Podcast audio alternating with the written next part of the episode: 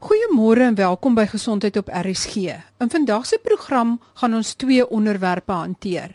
In die tweede deel is dit die begin van ons kort reeks oor dikdarmprobleme en ons kop af met 'n fokus op prikkelbare darmsindroom oftewel spastiese kolon. Hulle noem dit ook leaky gut sindroom. Maar in die eerste deel is die onderwerp testikulêre kanker. Ek gesels met dokter Peer van Vollenhoven, uroloog by Medikliniek Panorama en ons gesels oor testikulêre kanker as deel van die November fokus op mansgesondheid. Ek het die program aangeskuif na hierdie week om 'n program oor niersiektes verlede week in te pas na die dood van Jonah Lomo. Maar hier is die inligting nou oor testikulêre kanker. Dit is 'n soort kanker wat meer in jonger mans voorkom. Hoe lyk die risikoprofiel of die profiel van mans wat testikulêre kanker kan kry? Die uh, testikulêre kanker is uh, baie skaars. Eerstens, ons moet dit onthou. Die tweede ding is kom in die jonger groep voor, 20 tot 40 gewoonlik. En dit kan wel in ouer mense ook voorkom, maar dit is nog selfs rarer. So ons handel hier met iets wat raar is, maar redelik maklik opgespoor kan word deur selfondersoek. Die risikogroep is natuurlik seuns wat onafgedaalde testes gehad het. Die testes of hulle nou weer in die regte plek geplaas word of nie, het 'n beslisse hoër insidensie van maligniteite as hy in daardie ouderdomsgroep kom. Wat is die rede hiervoor? Is dit omdat die testes op 'n tyd te warm gekry het, eintlik binne die liggaam of wat is die meganisme wat hierby betrokke is? Die twee teorieë van afdaling van die testes is een is die gubernaculum wat die testes amper lei tot in die skrotum dat daar miskien iets verkeerd gaan en die tweede teorie is dat die testes self inherente fout het. En, en dit uh, pas vir my miskien meer in met die assosiasie met 'n maligniteit. Goed, so wat is die tipiese simptome waarop 'n jonger man dan bedag moet wees? Dit is gewoonlik goed vir 'n jong man om homself te ondersoek ten minste een keer 'n maand in die stort. Hoekom ek sê in die stort is omdat alles ontspan word en jy kan beter voel. As jy self weet hoe voel jou eie testicles, dan sal jy verandering gouer optel. En daar is strukture langs die testis wat baie keer die pasiënte kan verwar met verharding en dit is gewoonlik die epididymis. Maar in jonger seuns is selfondersoek die kruks. Simptome gaan gewoonlik gepaard met dat die pasiënt 'n massa voel en die massa kan redelik vinnig gewoonlik groei en baie keer is dit pynloos. So pynlike testikulêre toestande is gewoonlik nie so ernstig soos die pynloos is. Sjoe, as dit pyn is dit dan heeltemal iets anders. Ja, kyk, pyn is gewoonlik as die testis wat draai, is 'n baie pynlike en 'n 'n noodtoestand, maar dit sal die pasiënt geweldig vinnig by die dokter uitbring. Ander pynlike testikulêre toestande is ook inflammasie en infeksie van die saadbuisies en van die testis self en natuurlik trauma aan die testis, maar meerderheid van tumore wat ek al gesien het is pynloos. So dis is die jong man iets vreemd voel en dis nie pynlik nie, moet hy werklik waar die gevaarligte sien flikker. Is dit korrek? Ja, ek dink elke keer as daar 'n uh, advertensie of 'n uh, program uitgaan oor nodules of massatjies in die skrotum, dit beteken die sak, dan sal die mans vir elke klein noduletjie hier by ons opdaag. Dit is nie wat ons propageer nie. Ons wil eintlik hê die pasiënte moet self hulle anatomie agterkom en hulle sal gou besef of daar 'n verandering plaasvind wat hulle kwel. As hulle die strukture langs die testes ken, gewoonlik is as daardie strukture veranderinge ondergaan wat langs die testes is, dan is dit gewoonlik nie so ernstig soos in die testes self. As 'n jong man nou wel met testikulêre kanker gediagnoseer is en ek dink nou onmiddellik aan iemand soos Lance Armstrong wat al vreeslike metastases gehad het in sy longe en in sy brein, maar is daar verskillende stadiums van testikulêre kanker en as dit metasteer, wat is die verloop as dit nie behandel word nie? Ja, die stadiums van testikulêre kanker en die tipe kanker is die belangrikste, die seltipe Dit ontstaan in die jonger persoon gewoonlik omdat dit 'n primitiewe sel is en dis hoekom hy dan so vinnig kan veranderinge ondergaan en dan in die 20 of 40 ouderdomsgroep presenteer. Die stadiums van die siekte is gewoonlik of hy beperk is tot die testis of hy dan in die buik is en onder die diafragma en dan bo kan die diafragma. Dis die asemhalingsspier, die diafragma. So dit gee jou min of meer 'n idee van hoe ons dit studieer. Die een sal stadium 1, 2 en 3 wees.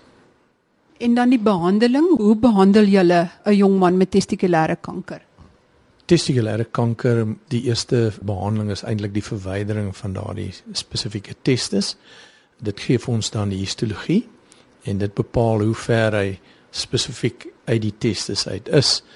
Daarna studieer ons die pasiënt en dit is deur middel van RT rekenaartomografie of MRI skandering om te kyk of die tumor versprei het na die buik toe of na bo kan die diafragma.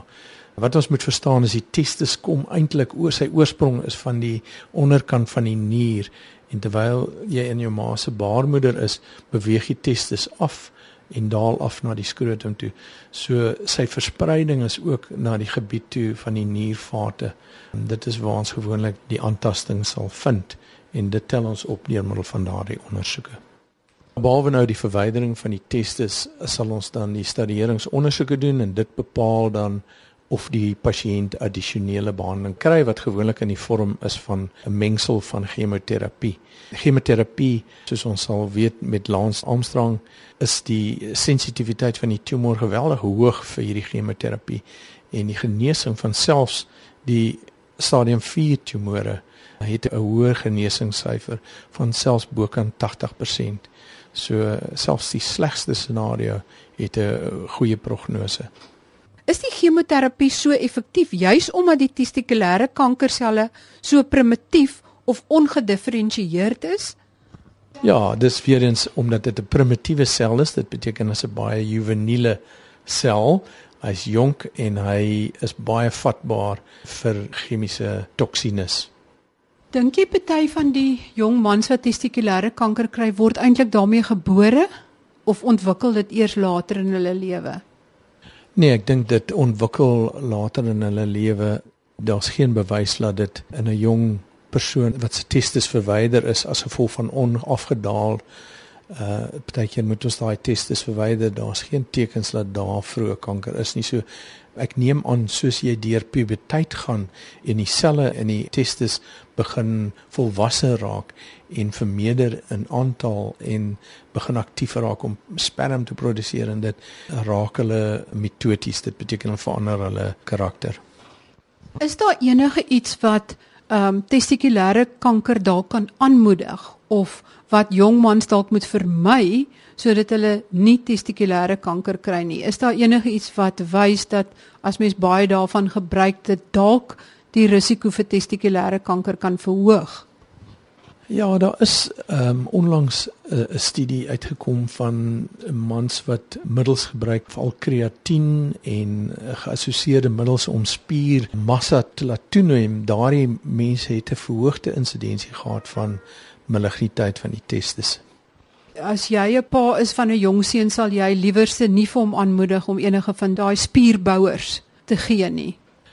Ek dink 'n mens moet dit versigtig benader. Jy weet die insidensie van testikulêre kanker is soos ek gesê het baie laag. So deur daardie middels te gebruik gaan nie noodwendig die insidensie dramaties verhoog nie, maar dit is 'n vraag wat vir jouself moet bepaal en ek dink as iemand op daardie tipe van goed is, moet hulle miskien meer gereeld hulle self ondersoek of laat 'n algemene praktisyn of 'n uroloog hulle ondersoek.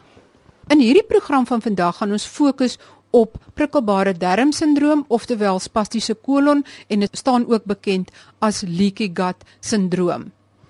Ons gesels oor die fisiologie en die anatomie van die dikdarm en gaan kyk gerus op die webwerf www.rsg.co.za waar ek sketse en interessante inligting geplaas het oor hoe die dikdarm lyk in die verskillende dele van die dikdarm en ook oor testikulêre ondersoeke en waarvoor 'n jong man moet voel as hy so daar onder die stort staan.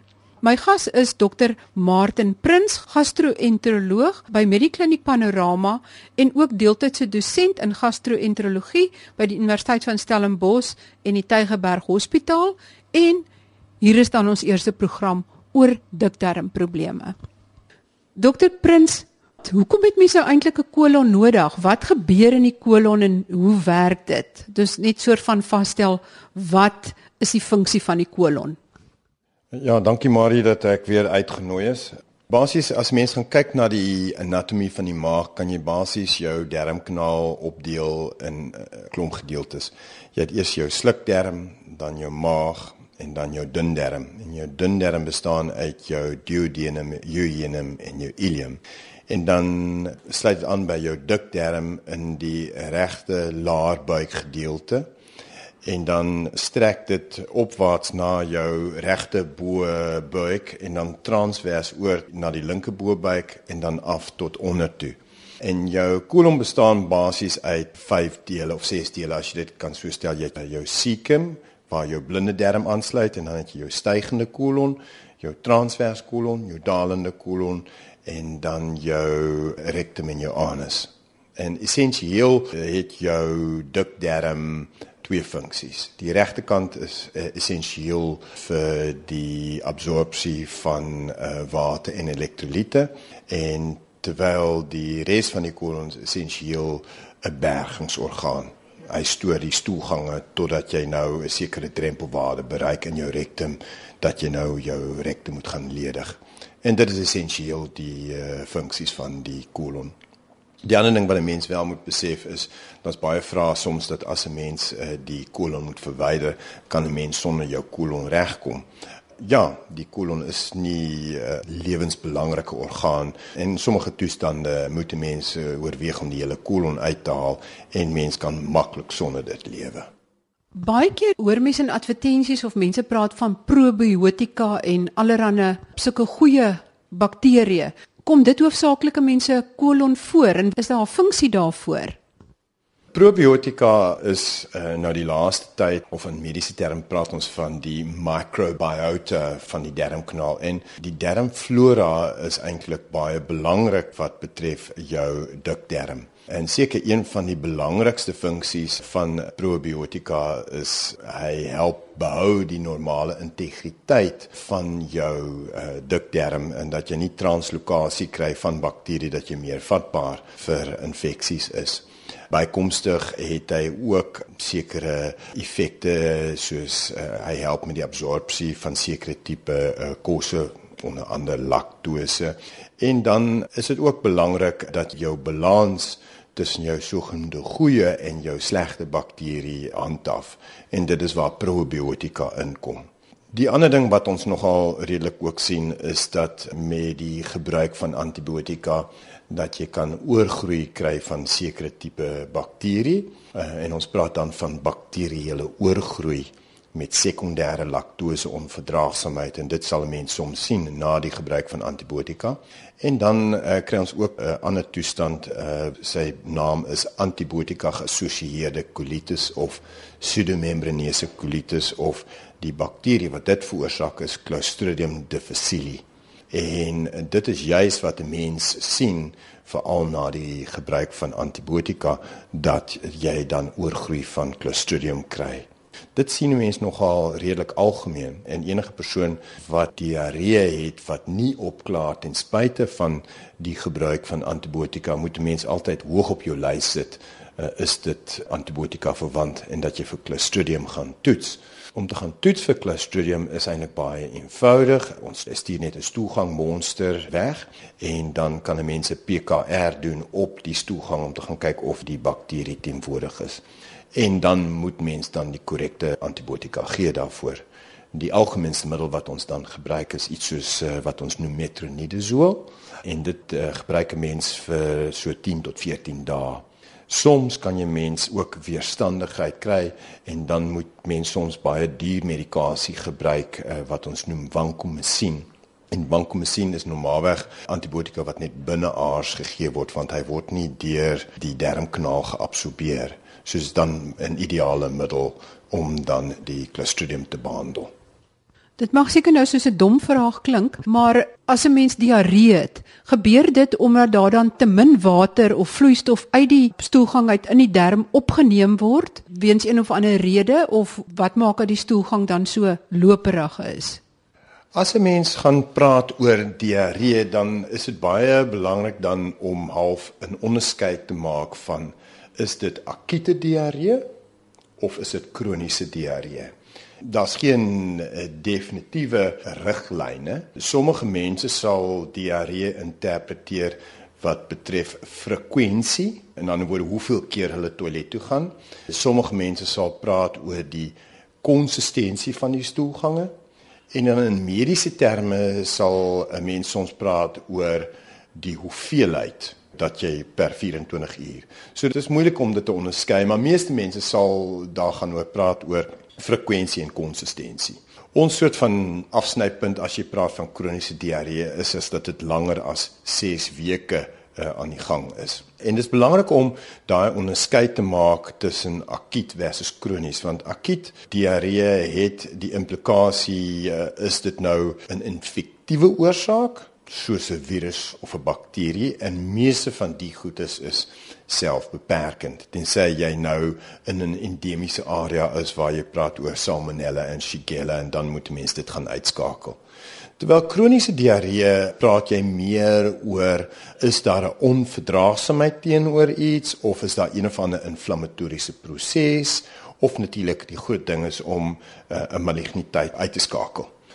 Dan wat kroniese diarree betref, dan kan 'n mens ook soms probeer aflei van die geskiedenis klink dit meer soos 'n dun darm tipe diarree of klink dit meer soos 'n dik darm tipe diarree?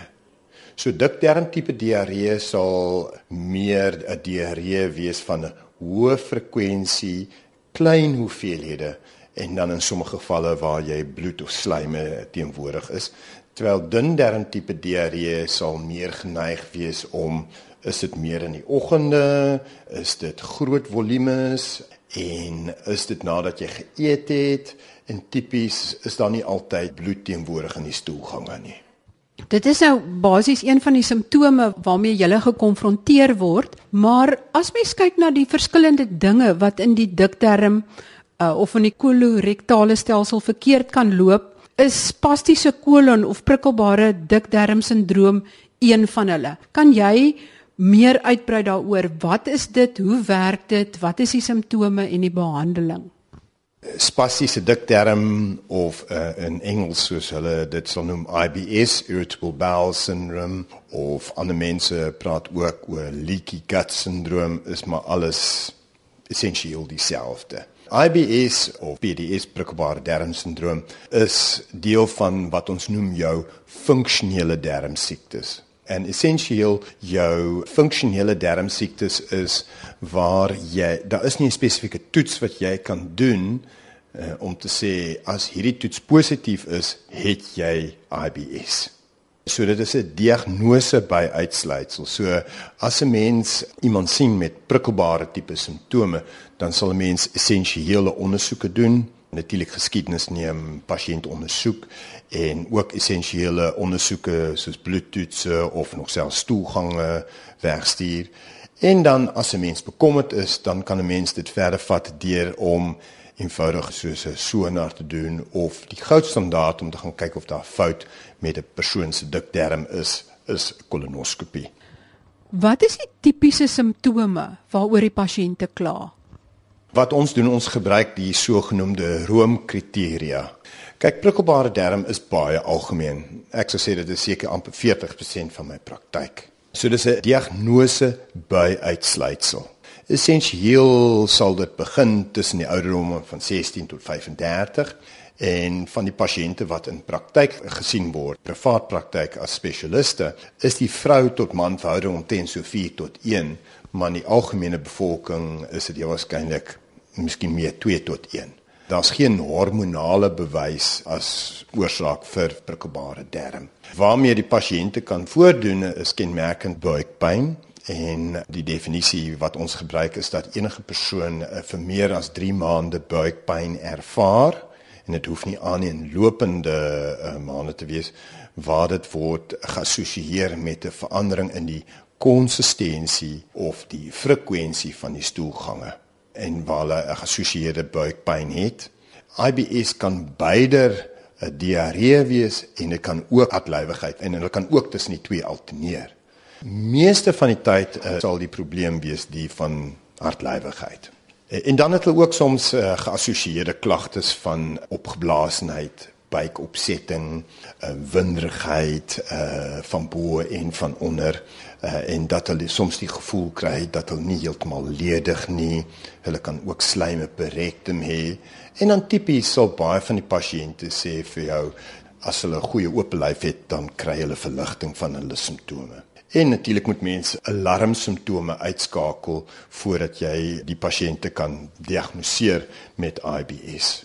Die teorie agter wat veroorsaak IBS is nie heeltemal duidelik nie en daar's verskeie teorieë wat bestaan oor IBS. Seker die een wat die meeste aandag op die oomblik geniet is die hele effek van die brein op die darm waar die Engelse praat van the neurogut axis want ons het al gesien in mense met IBS se breinaktiwiteitspatroon is daar subtiele verskille wat betref breinaktiwiteitspatrone. En dit is hoekom daar baie navorsing op die oomblik is om 'n halfe middel te probeer ontwikkel wat sentraal werk wat al hierdie simptome wegvat maar daai middel bestaan nog nie. Die tweede teorie is dat daar vir een van die redes in die dikterm verhoogde sensitiwiteit is. En mense praat van viscerale hypersensitiwiteit. Die derde teorie is dat miskien dat jy blootgestel was aan een of ander infeksie en dat jy al 'n prikkelbare darm uh, ontwikkel het na daai blootstelling aan daai bakterie. En die vierde teorie is dat daar miskien 'n element van onverdraagsaamheid is in wat kos betref. In die algemeenste sonnebokke daarvoor uh, is suiwelprodukte of laktose en deesdae wat baie aandag geniet in die gastronomie literatuur is die feit dat dit nie net laktose kan wees maar fruktose.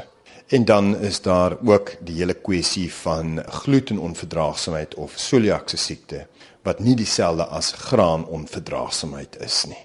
Deel van uh, eh, IBS om dit te hanteer is om 'n eliminasie dieet te doen waar jy miskien suiwelprodukte vir 'n week uitskakel of jy doen 'n waterstof asemhalingstoets of vir die fruktose volg jy 'n FODMAP dieet of 'n graanonverdraagsaamheid natuurlik skakel jy dan graanprodukte uit.